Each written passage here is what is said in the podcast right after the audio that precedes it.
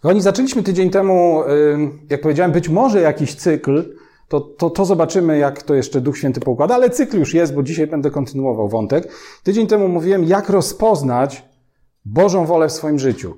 I jeżeli ktoś tego nie słuchał, to nie dlatego, że to jest jakieś bardzo dobre, ale dlatego, że wierzę, że to może być materiał do tego, żeby właśnie Duch Święty nam coś włożył do serca, dlatego, że zobaczyłem, że powinniśmy rozgraniczyć dwa aspekty. I ten jeden z tych aspektów to był ten, o którym mówiłem tydzień temu. Jak rozpoznać Bożą wolę dziejącą się w moim życiu, wokół mnie, ale niekoniecznie wymagającą lub nawet, no jakby to powiedzieć, tak, wymagającą mojego zaangażowania.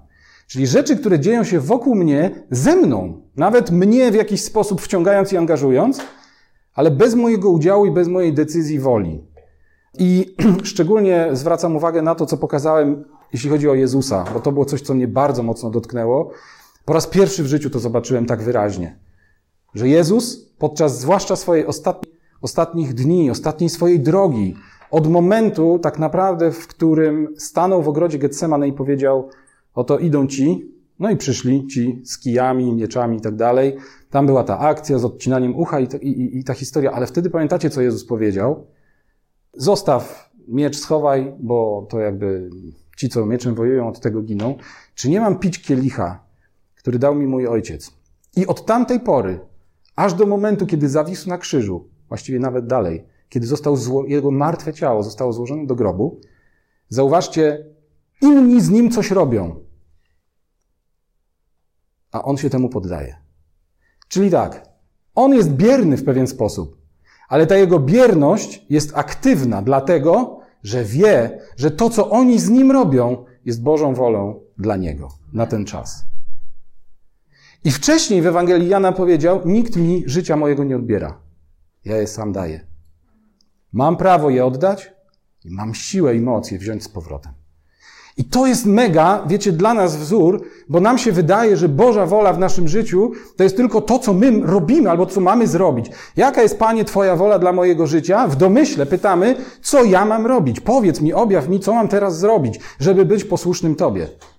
Tymczasem odpowiedź czasami może być taka, a właśnie nic nie rób. A właśnie nic nie rób. A właśnie poddaj się teraz temu, co będzie się z Tobą działo. I w tym rozpoznaj Bożą wolę. Wiecie, Jezus też powiedział właśnie wtedy w tym ogrodzie Getsemane. Ja przepraszam, że tak trochę streszczam to sprzed tygodnia, ale wiem, że to jest dla nas ważne na dzisiaj. Czy nie wiesz, prawdopodobnie do tego, do Piotra, czy do tego któregoś tam, który tam to ucho, wiecie, tam odciął, prawdopodobnie celując w środek czaszki, a nie w ucho. No, tak mu się omskło. Ale powiedział tak, czy nie wiesz, że gdybym tylko chciał, to bym teraz poprosił Ojca, a zesłałby więcej niż dziesięć legionów aniołów i one by tu zrobiły porządek. Więc wiecie, tu nie chodzi o sytuację, że on był bezsilny i że całkowicie biernie, no biedny Jezusek, zobaczcie, co z nim zrobili. W każdej chwili mógł, mógł zrobić to, co powiedział. W każdej chwili bym poprosił ojca. I ojciec by to zrobił, pomimo że jego plan był inny. Rozumiecie? Gdyby to powiedział Jezus, to ojciec by powiedział: Okej, okay, spoko. Robimy drugie podejście. Za chwilę. Ale teraz, skoro syn prosi, proszę bardzo. I jazda, i byłby początek. Ale Jezus wiedział, że to jeszcze nie ten czas na ten porządek, na tą jazdę. Teraz jest czas na to, żeby się poddać, żeby oni mogli zrobić ze mną to, co chcą. W psalmie jest napisane, tak? Zrobili ze mną to, to i tamto. Zrobili z Jezusem to, co chcieli. Ale dzisiaj chciałbym jednak, żebyśmy przeszli do tego drugiego jakby zagadnienia, czyli do tego tematu, Tydzień temu było jak rozpoznać Bożą wolę, a dzisiaj jak wypełniać Bożą wolę.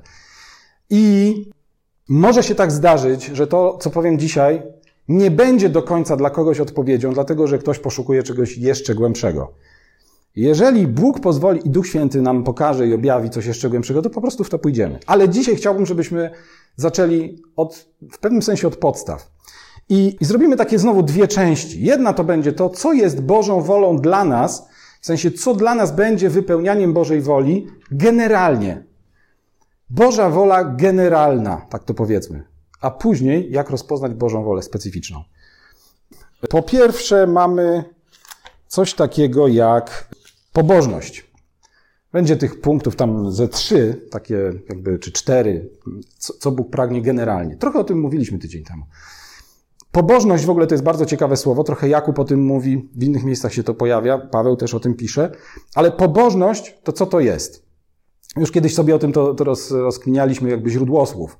No to jest działać, myśleć, robić po Bożemu. Po prostu.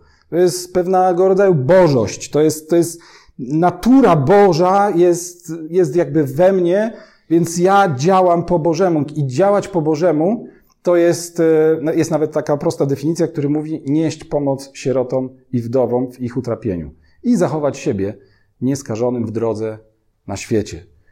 Więc nieść pomoc sierotom i wdowom to jest w ogóle pierwsza rzecz, która się tak w taki oczywisty sposób pojawia jako Boża wola. Następna generalna to jest to, co możemy przeczytać i tutaj niektóre tak wiecie, będziemy czytać, a niektóre nie, no żeby troszkę, y, troszkę skrócić, pozostawiając to ewentualnie własnej y, lekturze. Ale cały rozdział, czy cała druga część rozdziału 25 Ewangelii Mateusza, od 30 chyba pierwszego, y, tak, wersetu, to jest to, gdzie jest napisane, gdy Syn Człowieczy przyjdzie w swojej chwale. I co tam czytamy dalej? No tam, że rozdzieli jedne narody, jak się odłącza kozły od, e, owce od kozłów. I od 34. Wtedy król powie do tych, którzy będą po jego prawej stronie, przyjdźcie błogosławieni mego Ojca, odziedziczcie królestwo przygotowane dla was od założenia świata, bo byłem głodny, a daliście mi jeść. Byłem spragniony, a daliście mi pić. Byłem obcym, przybyszem, uchodźcą, jakkolwiek to nazwiemy, a przyjęliście mnie. Byłem nagi, a ubraliście mnie. Byłem chory, a odwiedziliście mnie. Byłem w więzieniu, a przyszliście do mnie. Wtedy sprawiedliwi mi odpowiedzą, Panie, kiedy widzieliśmy Cię głodnym, nakarmiliśmy, spragnionym, a daliśmy Ci pić i tak dalej, i tak dalej. A król im odpowie, zaprawdę powiadam Wam, to, co uczyniliście jednemu z tych moich braci najmniejszych, mnie uczyniliście. I oczywiście nie ma, nie ma nadużycia w tym, jeżeli założymy, że tym królem, Jezus opowiadając o tym królu, opowiada o sobie. Da, opowiada pewnego rodzaju proroctwo o tym, jak to będzie. I mówi o tym, że wielu w ogóle nie będzie kojarzyło w swoim życiu, że jemu cokolwiek kiedyś uczynili. Ale on powie wtedy jedną z najważniejszych zasad. Cokolwiek uczyniliście jednemu z tych braci moich najmniejszych, to mnie uczyniliście. I to jest kolejny punkt w rozpatrywaniu generalnej Bożej woli. Jeżeli ktoś potrzebuje jakiegoś katalogu, i, i nie wie, co ma robić w swoim życiu, jak wypełniać Bożą wolę w swoim życiu, to to jest kolejna rzecz. Czytaliśmy o tych sierotach i wdowach, potem teraz czytamy o, o karmieniu, o pojeniu, o dawaniu schronienia, o przyjmowaniu uchodźców, o odwiedzaniu chorych, o troszczeniu się o więźniów i tak dalej. To jest następna rzecz.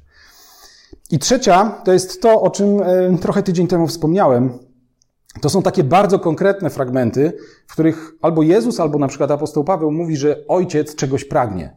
I pierwsze to jest właśnie w Mateusza 18:14.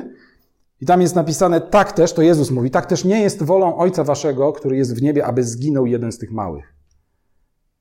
Aby ktokolwiek zginął z małych, bardzo często w takim biblijnym, nowotestamentowym kontekście, małych oznacza niedojrzałych, niewiedzących, nieświadomych. To, to jest mały. I teraz chodzi o to, że nie jest jego intencją, żeby ktokolwiek z małych zginął po to, żeby ten, kto uważa się za większego, zatroszczył się o małego. Zresztą zauważcie, wcześniej też mówił e, e, w, tam w tym, w tym, na tym sądzie, tak? Wszystko, co uczyniliście jednemu z tych moich braci najmniejszych, mnie uczyniliście. Tak samo tutaj.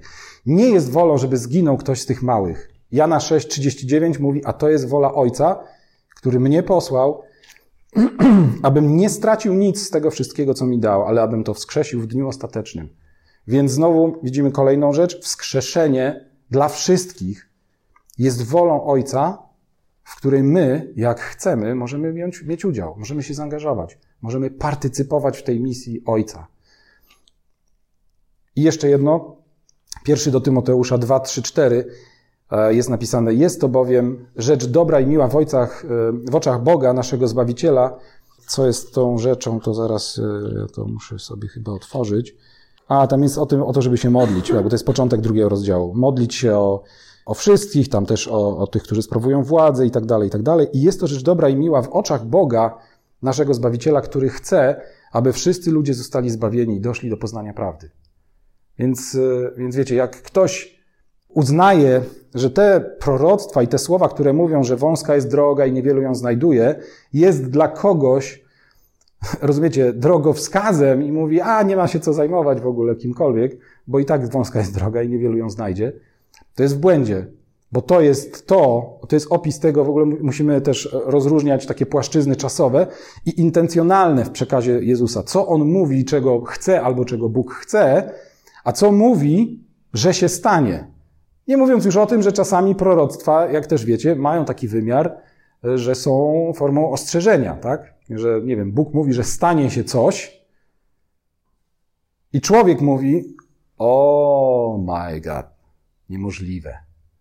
Nie dopuszczę do tego. W tym sensie, że Bóg mówi, że, no nie wiem, spalę tam jakieś miasto, tak? Pamiętacie, negocjacje Abrahama, tak? Proroctwo jest warunkowe, może być warunkowe. I jest pewnego rodzaju testem. Czy człowiek, który zna wolę Bożą, się ogarnie i powie: O, po moim trupie. Nie stanie się tak. Zrobię wszystko właśnie do granicy, że tak powiem, życia, bo tyle mogę, tak? To wszystko, co mogę w swoim życiu zrobić, żeby to się nie stało. I jak wiecie, Bóg bardzo coś takiego honoruje. I jest w stanie coś takiego uhonorować właśnie w takiej sytuacji, kiedy znajdzie się ktoś, kto powie: Nie, nie, nie, nie, nie, tak nie będzie, ja nie dopuszczę do tego. No i to jest właśnie sytuacja taka, w której Paweł mówi, że Bóg chce, żeby wszyscy byli zbawieni i doszli do poznania prawdy. W związku z tym będzie współpracował z każdym, kto będzie działał na rzecz tego Bożego pragnienia. Więc to jest jasne. I teraz, wiecie, jest jeszcze jeden e, fragment, dlatego mówiłem tak, trzy albo cztery, więc to były takie trzy aspekty tej generalnej Bożej woli. Czwarty jest taki, zacznę to mm, czytać, ale no też nie przeczytamy całego, ale bardzo polecam waszej lekturze jedenasty rozdział listu do hebrajczyków, rzecz jasna, bo to jest rozdział, który mówi, jest tak na pograniczu tej generalnej Bożej woli i tej specyficznej, o której chcę powiedzieć za chwilę. Generalną Bożą wolą dla człowieka jest życie wiarą. Wiara jest podstawą tego, czego się spodziewamy i dowodem tego, czego nie widzimy. A później w szóstym wersecie chyba, tak, czytamy, bez wiary nie można podobać się Bogu. Więc to jest generalna Boża wola, że jeżeli chcemy się Bogu podobać, to musimy postępować w oparciu o wiarę. I moglibyśmy w tym momencie przestać i moglibyśmy się zatrzymać i pomyśleć sobie, ok, dobrze, no to ja jestem taki mało duchowy, no to powinienem się stać bardziej duchowy i zacząć trochę tak bujać w obłokach i tą wiarą żyć i nie, nie oglądaniem, tylko wiarą, po czym czytamy o całej masie różnego rodzaju tak zwanych bohaterów wiary, którzy, jak na koniec się dowiadujemy, byli kamienowani, Przeżynani piłą, doświadczani, zabijani mieczem, tułali się w owczych i kozich skórach, cierpieli niedostatek, ucisk, utrapienie, błąkali się po pustyniach i górach, po jaskiniach i rozpadlinach ziemi. A ci wszyscy, choć zyskali chlubne świadectwo dzięki wierze, nie dostąpili spełnienia obietnicy, ponieważ Bóg przewidział dla nas coś lepszego, aby oni nie stali się doskonali bez nas. Abstrahując od tego, co cały ten fragment znaczy, widzimy, że jest cała masa ludzi, którzy są przedstawieni w tym rozdziale, którzy kierowali się wiarą i w oparciu o wiarę odebrali od Boga swoje osobiste, osobiste, specyficzne powołanie, przeznaczenie, swoją własną obietnicę, która na dodatek później się okazało, będzie spełniona, jakby można powiedzieć, poza zasłoną. Już razem z nami, już razem ze wszystkimi. Skończyli swoje życie bardzo często śmiercią męczeńską, nie doczekawszy się tej obietnicy, a jednak wytrwali w tej obietnicy osobistej, którą dostali. I dlatego chciałem, żebyśmy teraz przeszli jakby do drugiej części, czyli do tych specyficznych ob obszarów, do specyficznych sposobów postępowania w Bożej woli. Taka generalna zasada, mm, która nie jest nigdzie wprost wyrażona, znaczy może jest, ale, ale i ona jest, jest jakby do, do wyprowadzenia nie wprost, ale generalnie zasada jest taka, szczególnie widać to w Starym Testamencie, w, w Starym Przymierzu, jak, jak Bóg rozmawia z wielu prorokami, z wielu tam królami, co, coś im objawia, to generalna zasada jest taka, Bóg tym chętniej przekazuje nam swoją specyficzną wolę, im bardziej widzi naszą gotowość do jej wypełnienia. Im bardziej widzi w nas determinację do znalezienia tej woli, im bardziej widzi w nas gotowość do tego, że jak ją odbierzemy, to ją zrobimy, to tym chętniej i tym specyficzniej tą Bożą, tą Jego wolę nam objawia. Oczywiście, wiecie, on, on w ogóle nam objawia i w ogóle do nas mówi, więc Inną sprawą jest, czy my po prostu w ogóle to słyszymy i czy w ogóle chcemy to usłyszeć, ale to już będą konkrety. Więc po pierwsze, jak tą specyficzną wolę Bożą dla mojego życia poznać? Po pierwsze, najprostszym chyba sposobem to jest słowo rema, którego być może czasem nawet nie wiedzieliśmy, a doświadczyliśmy.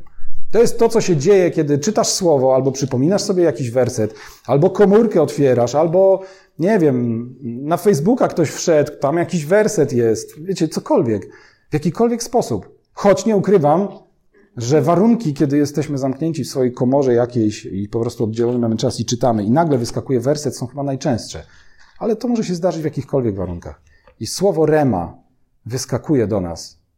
Po prostu można powiedzieć, nas znajduje. Dosięga nas.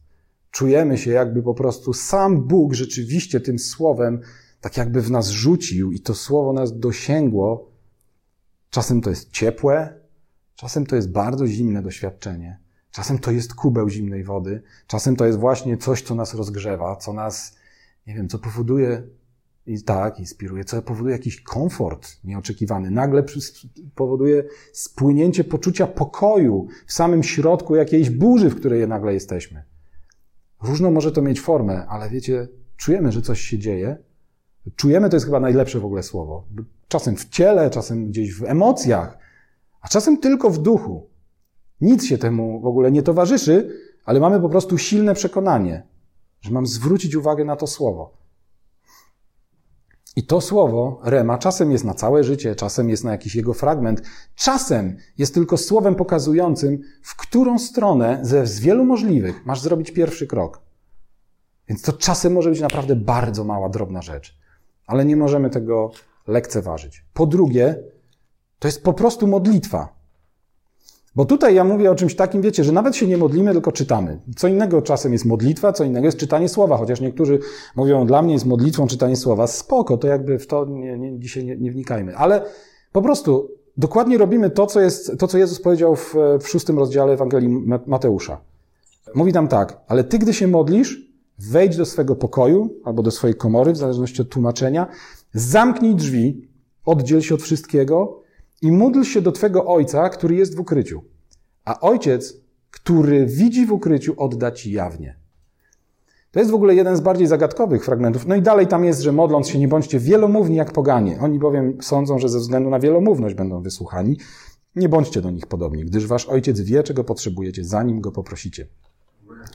I to jest, to jest fragment, to jest werset, który często My bierzemy, że ojciec wie, czego potrzebuje, w sensie, no, że potrzebuje pieniędzy, potrzebuje jedzenia, potrzebuje samochodu, potrzebuje ubrania, czegoś tam potrzebuje i że ojciec wie i że mi odda.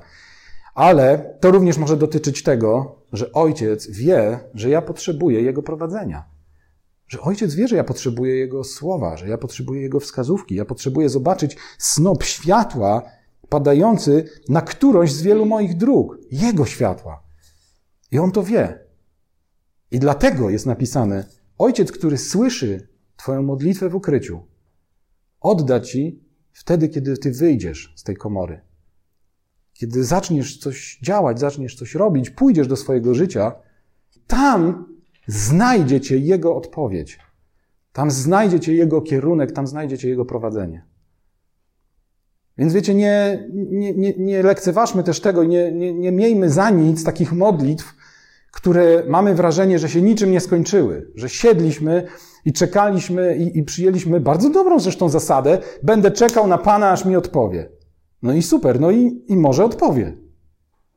Ale może nie odpowie, i wtedy, wiecie, nie, nie czujmy się ani źle sami z sobą, że albo ze mną jest coś nie tak, albo ten Bóg jakiś po prostu już głuchy i nawala, albo ktoś mnie oszukał i naopowiadał mi jakiś bzdur. Nie, po prostu, no, jak już musisz kończyć, to musisz. Wyjdź, zamknij drzwi Idź w świat i nagle zobaczysz jego odpowiedź. W jakiejkolwiek formie. Po prostu miejmy oczy już otwarte. Po trzecie, to mogą być sny albo sen. Szczególnie jeżeli sen, to, to jest też moje osobiste doświadczenie, ja nie jestem jakiś strasznie, a może inaczej, staram się też bardzo racjonalizować pewne rzeczy, ale akurat Bóg w tym wszystkim znalazł sposób, że jakby wtedy, kiedy śpię i nie mam na nic wpływu, no to wtedy czasem z czymś przychodzi. I powiem wam, że szczególnie jeżeli sen się powtarza dwu, no a już mega jest jak trzykrotnie. Jak sen jest na jakiś temat. Jak sen, albo niekoniecznie to musi być ten sam temat, czy te same okoliczności, ale to może być sen, który nagle, wiecie, mogą nam włosy stanąć na głowie dęba, bo sobie skojarzymy dwa sny, które były w ogóle o czymś innym, zupełnie innych okolicznościach. I nagle sobie zdajemy sprawę, że one były o tym samym. Że to jest ta sama historia, tylko opowiedziana przy pomocy innych wydarzeń, przy pomocy innych porównań, przy pomocy jakiejś innej przypowieści, innych symboli, ale się okazuje, że to jest o tym samym. Dlatego tak bardzo, bardzo i będę to chyba zawsze mówił, przypominam, co zrobić? Tak jest, o super. Zapisać. Nawet jak Wiecie, się budzimy i nie wiemy, że to jest syn od Boga, albo myślimy, że jest dziwny, ale jak się budzimy i go pamiętamy i potrafimy odtworzyć pewne fragmenty, to zapisujemy, zanim zaczniemy go interpretować. Po czwarte, może się nam przytrafić jakieś objawienie, wizja otwarta. To, to jakby nie do końca jest to samo, bo objawienie, no to to jest po prostu jakby objawienie w duchu. Idziemy i nagle mamy objawienie, revelation po prostu coś, czego nie wiedzieliśmy, nagle na nas spada, albo coś, czego nie rozumieliśmy, właśnie nie kojarzyliśmy, nagle staje się dla nas jasne. Albo po prostu przeżywamy w myślach, w naszym sercu, zaczynamy przeżywać jakąś historię. Idziemy ulicą, czy jedziemy, jazda samochodem jest w ogóle super, chociaż niektórzy uważają, że no nie, że trzeba świadomie zawsze tu wszystko na drodze. No tak, ale po prostu prowadzimy nieświadomie. No jak już ktoś tam parę razy jechał samochodem, to prowadzi go nieświadomie w pewien sposób. Czynności wykonuje nieświadomie i nagle przychodzi objawienie.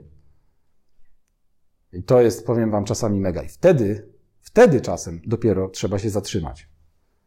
Właśnie po to, żeby to zapisać albo zanotować. Dzisiaj telefony są super, bo można sobie notatkę dźwiękową zrobić i jechać dalej. Czym innym jest troszkę taka wizja otwarta. E, nie chcę tutaj za, za dużo. Słucham. To lepiej, właśnie, to już lepiej nie w samochodzie. Słucham? Lepiej nie w samochodzie, no bo, no bo tak, no bo po prostu wtedy rzeczywiście tak jakby na jawie zaczynamy przeżywać pewne wydarzenia, pewne rzeczy. Możemy coś zobaczyć i wtedy jak coś takiego nam się dzieje, to też warto się temu przyjrzeć. I oczywiście znowu później zanotować. Po piąte, bardzo specyficznym takim sposobem działania może być silne pragnienie zgodne z wartościami Królestwa i tą Bożą wolą generalną. Czyli mamy poczucie, że kurczę, coś za mną chodzi, no. coś za mną chodzi, jakiś pomysł, jakaś myśl. Szczególnie to słowo pomysł jest tutaj dobre. Mam pomysł na, niekoniecznie na służbę jakąś zaraz wielką, ale na jakąś, na zrobienie czegoś nagle po prostu widzę jakąś potrzebę czyjąś, czy, czy, czy jakąś społeczną, czy, czy w kościele, czy poza kościołem, czy w pracy i chodzi za mną pewna myśl, żeby tej potrzebie zaradzić. I w momencie, kiedy dostrzegamy, że ona jest zgodna z, wartościami, z celami Królestwa Bożego i jeszcze na dodatek z którymś z tych aspektów Bożej woli generalnie, no to why not? Why wait? Można tak powiedzieć. Na co jeszcze czekać? tylko po prostu brać się do roboty i nie czekać na nic więcej. No i szóste, oczywiście może być proroctwo. Choć, choć takie proroctwo, użyte specyficznie do konkretnej osoby, żeby jej powiedzieć, słuchaj, Bożą wolą dla ciebie jest to, to i tamto, to w Nowym Testamencie raczej występuje jako pewnego rodzaju potwierdzenie czegoś, co człowiek w sercu już wie, albo co podejrzewa, albo co Bóg do niego osobiście po prostu w jakikolwiek sposób, czy któryś z tych, o których mówiłem, czy jakiś inny, mówił.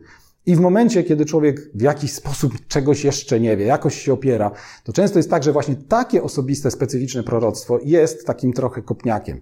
Jest takim, taką już naprawdę nadobicie ostatnią deską Bożego ratunku człowieku, Idźże wreszcie, rusz się, ogarnij się i zacznij robić.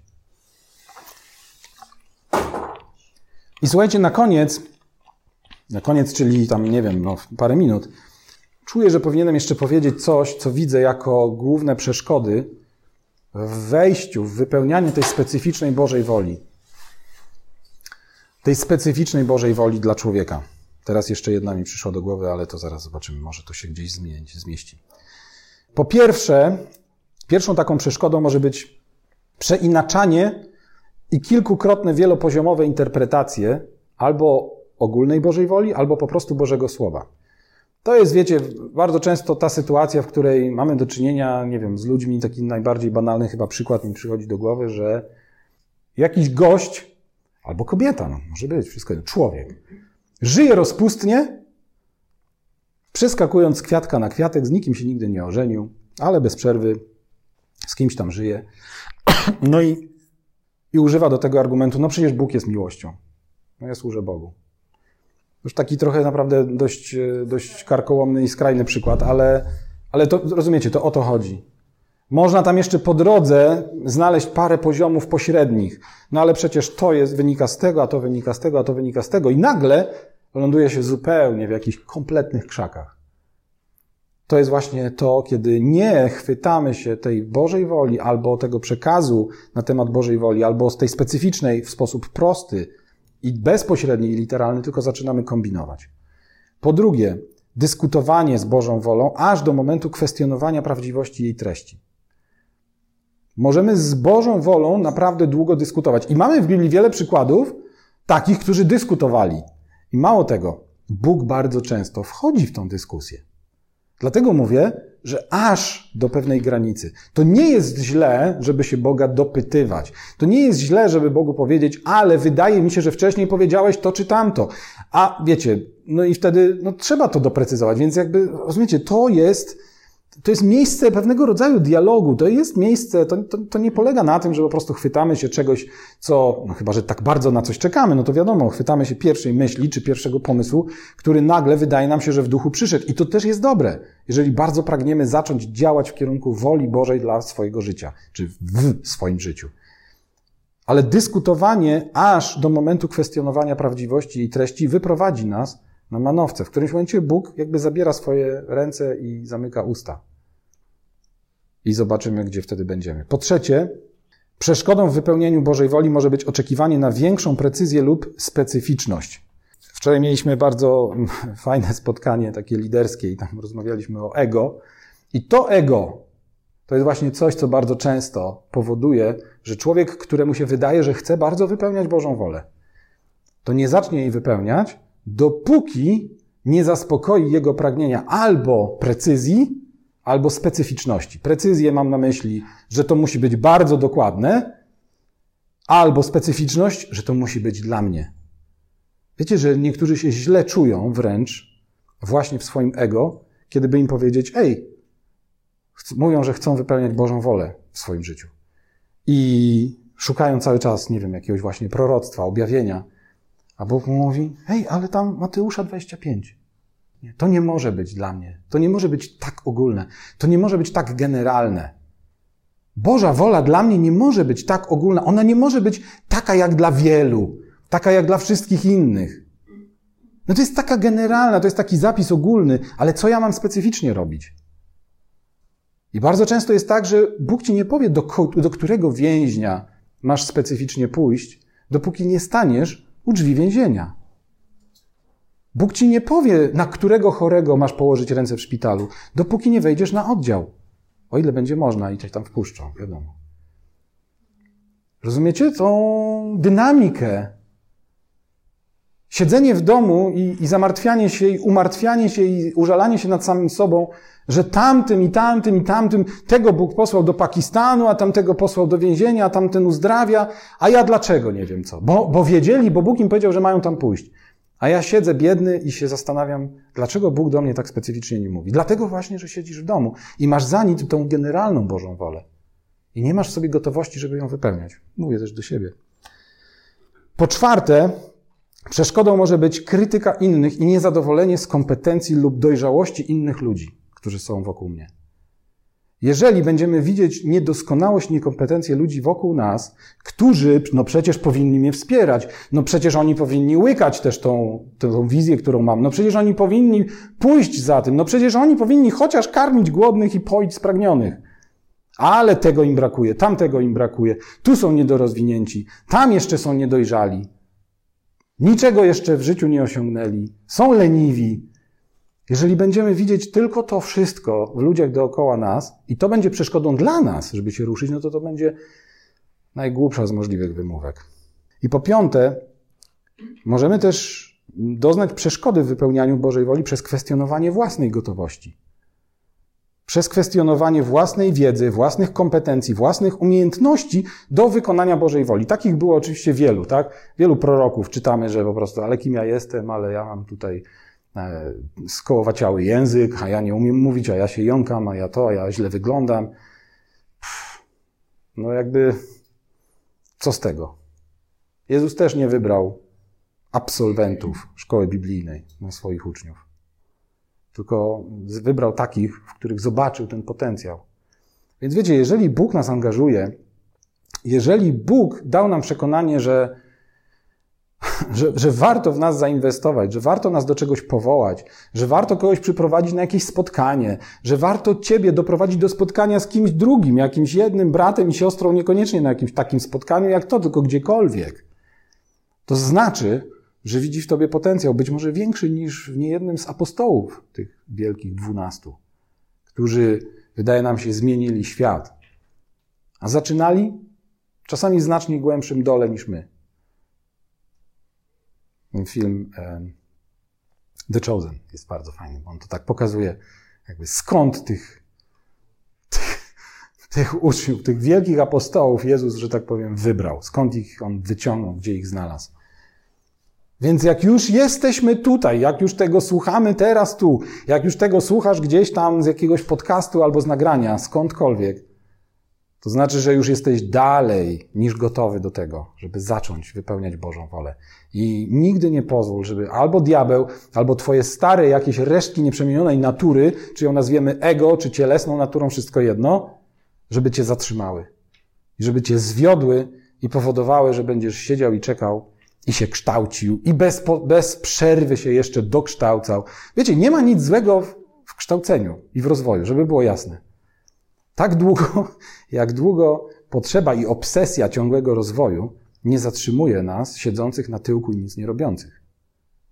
Gdzieś jest granica, gdzieś musimy dostrzec, po co cała ta nauka jest, po co ten cały rozwój jest. Żyjemy w czasach, w których, wiecie, rozwój czy samorozwój stał się z czegoś bardzo pożądanego i bardzo takiego wartościowego, stał się jakimś bożkiem, jakąś ikoną, no, pewnego rodzaju wyznaniem dla niektórych, dla niektórych największą motywacją.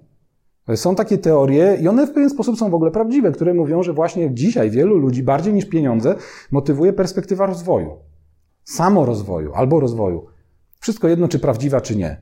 Ale to jest taki kit, który można po prostu każdemu wcisnąć i wielu się na to złapie. Więc bardzo na to musimy uważać. Dlatego, że Bóg bardzo często do tego, żebyśmy zaczęli wypełniać Jego wolę, wymaga bardzo, bardzo podstawowych kompetencji. Bardzo podstawowych zdolności, bardzo podstawowych umiejętności na bardzo podstawowym poziomie. A przede wszystkim wymaga pewnej woli i pragnienia serca i pewnej gotowości do tego, żeby powiedzieć: Chociaż wiemy, że oczywiście takie deklaracje, to jakby Bóg wie, na ile są prawdziwe. Ale nie ma nic złego w deklaracjach. Panie, z Tobą to pójdziemy na śmierć i na krzyż. Wszędzie pójdziemy. Ja życie za Ciebie oddam. No, ale żeby do więzienia pójść kogoś odwiedzić, nie, to sam nie pójdę. Albo pomodlić się o kogoś chorego. Nie, nie, nie. Tego ja nie umiem. Życie za ciebie oddam. No. Więc jakby Bóg nie czeka na jakieś płomienne deklaracje, ale czeka na pewnego rodzaju i widzi pewną gotowość w naszych sercach do tego, żeby rzeczywiście robić to, czego On od nas oczekuje. I to będzie, wiecie, miało swoje kapitalne owoce na każdym poziomie. Na poziomie naszego życia osobistego, na poziomie życia rodzinnego, na poziomie życia zawodowego, na poziomie życia kościelnego.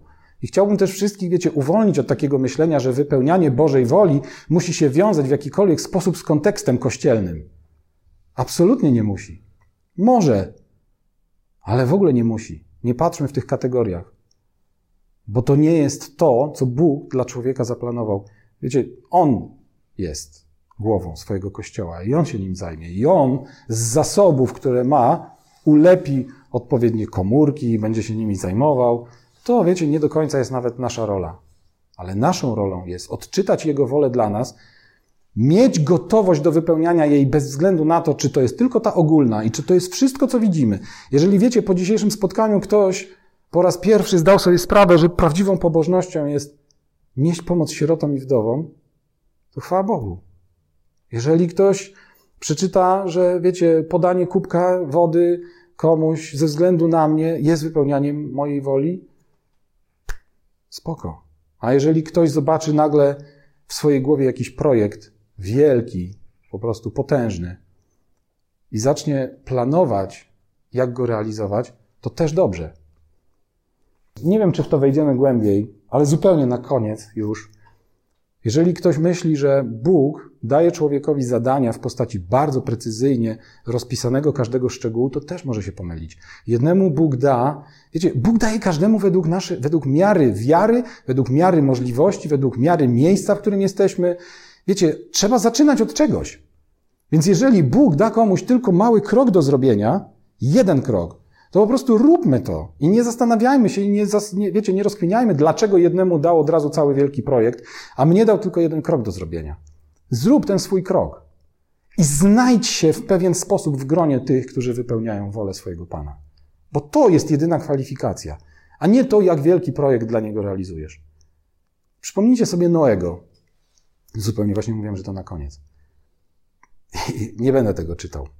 Ale otwórzcie sobie księgę, jak was to będzie kiedyś nurtowało. Otwórzcie sobie księgę rodzaju, pierwszą Mojżeszową i zobaczcie, jak szczegółowe instrukcje dostał Noe do zbudowania arki.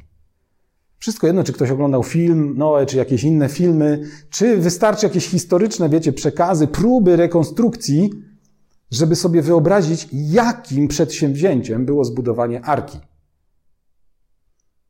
A cała instrukcja być może była jakaś bardziej szczegółowa, ale w Biblii zapisana są trzy, może cztery wersety. Będzie taka szeroka, taka długa, będzie miała trzy poziomy. Okno zrób z góry, a drzwi z boku. I co? I to wszystko. I to wszystko. I potem lata pracy nad budowaniem statku kosmicznego, którego nikt wcześniej nie widział ani później w środku lądu. Naprawdę. Może dobrze, że to było wtedy, bo dzisiaj to już by go zamknęli wcześniej, zanim by skończył budować. I to wszystko. Więc wiecie, ale być może, tego nie wiemy do końca, ale czytamy wcześniej, że Noe był wierny Bogu. Że Noe całym sercem podążał drogami pańskimi. Więc po pierwsze, prawdopodobnie znał ten specyficzny, dziwny głos, kiedy to Bóg mówi. I kiedy tak coś dziwnego, coś tak niesamowicie dziwnego mu powiedział, że ma zrobić, to prawdopodobnie się zdziwił, ale no nie dyskutował chyba z tym za długo, bo rozpoznał ten głos. Bo być może wcześniej wykonał kilka drobniejszych zadań. Bo być może wcześniej Bóg wiedział, że jak coś takiego przekaże temu człowiekowi, to on nie skorzysta z żadnej z tych wymówek, o, którym, o których mówiliśmy e, tutaj przed chwilą.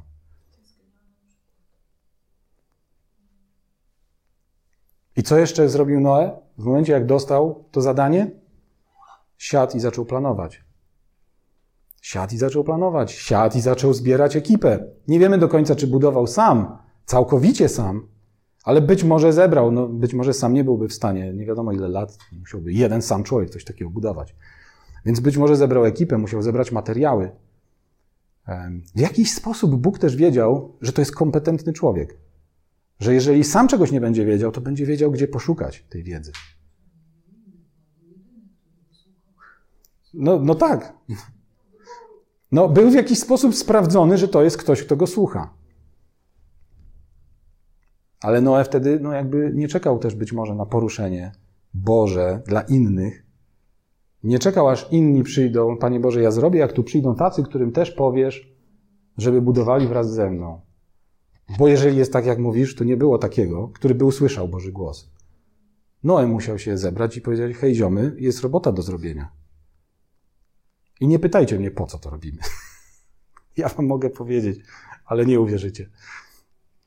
I wiecie, to jest, to jest w ogóle naprawdę, możemy snuć sobie takie wyobrażenia i bajki na temat tego, żeby, żeby nas to nie poniosło za daleko, ale bardzo, bardzo Wam polecam historię Noego. I druga historia taka, to, to jeżeli ktoś też chce takie projekty, popatrzeć na duże projekty, to jest przecież e, projekt budowy świątyni Salomona. E, Salomona wel Dawida, tak? Dawid zaczął, Salomon skończył. Ale to jest, i tam jest, i tam mamy więcej szczegółów na ten temat. Tam jest, no, no tak, tylko właśnie chodzi o to, że tam, była, tam było bardzo dużo precyzji. Natomiast w świątyni było bardzo dużo precyzji, jak ma wyglądać. Jak, jak, jak ma wyglądać ten stan końcowy. Ale nie było ani o mechanizmach, ani o tym, ilu ma budować, ani skąd pozyskać materiał i tak dalej, i tak dalej. Mówię o tym dlatego, że wiecie, do wypełnienia Bożej woli, co do której już mamy pewność, że to jest to, cały czas jeszcze nie wyszedłem z tego kontekstu tych przeszkód, musimy zaangażować, rozumiecie, w pewnym, w pewnym sensie siebie, swoje, swoje zdolności do, do planowania, do wykonania tych rzeczy. Jeżeli czegoś nie wiemy, to kogoś dobrać. Za chwilę się odzywa kwestia właśnie budowania jakichś zespołów wokół pewnych projektów. Wtedy dopiero, im większy Boży projekt, im większa Boża wola, prawdopodobnie tym większe ryzyko, że będziemy to musieli robić z innymi ludźmi. Tym większe ryzyko, że będziemy musieli zebrać jakieś materiały, że będziemy musieli zebrać jakieś fundusze. I jednemu Bóg przyniesie wór pieniędzy w siatce i powiesi mu na klamce. Super, tak by było najwygodniej. Ale drugiemu tego nie zrobi. I musi zebrać fundusze. Drugiemu przyniesie wory pod oczami. I walkę z samym sobą, z zniechęceniem. A jednak będzie to dalej jego wola. Więc, słuchajcie, na koniec, e, tak jak powiedziałem, e, przytoczyłem przykład tego Noego po to, żebyśmy, żebyśmy popatrzyli, że duże projekty zaczynają się często od małych rzeczy i często mogą nam nie dostarczyć zbyt wielu szczegółów.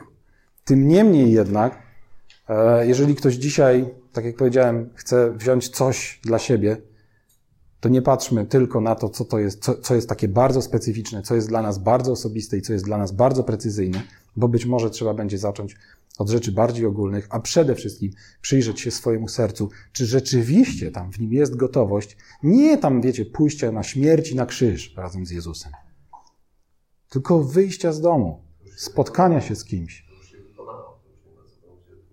No, no tym bardziej, no ale no tak. Decyzja. Czy gotowość do podjęcia decyzji będzie w nas? Czy Bóg ją dostrzeże?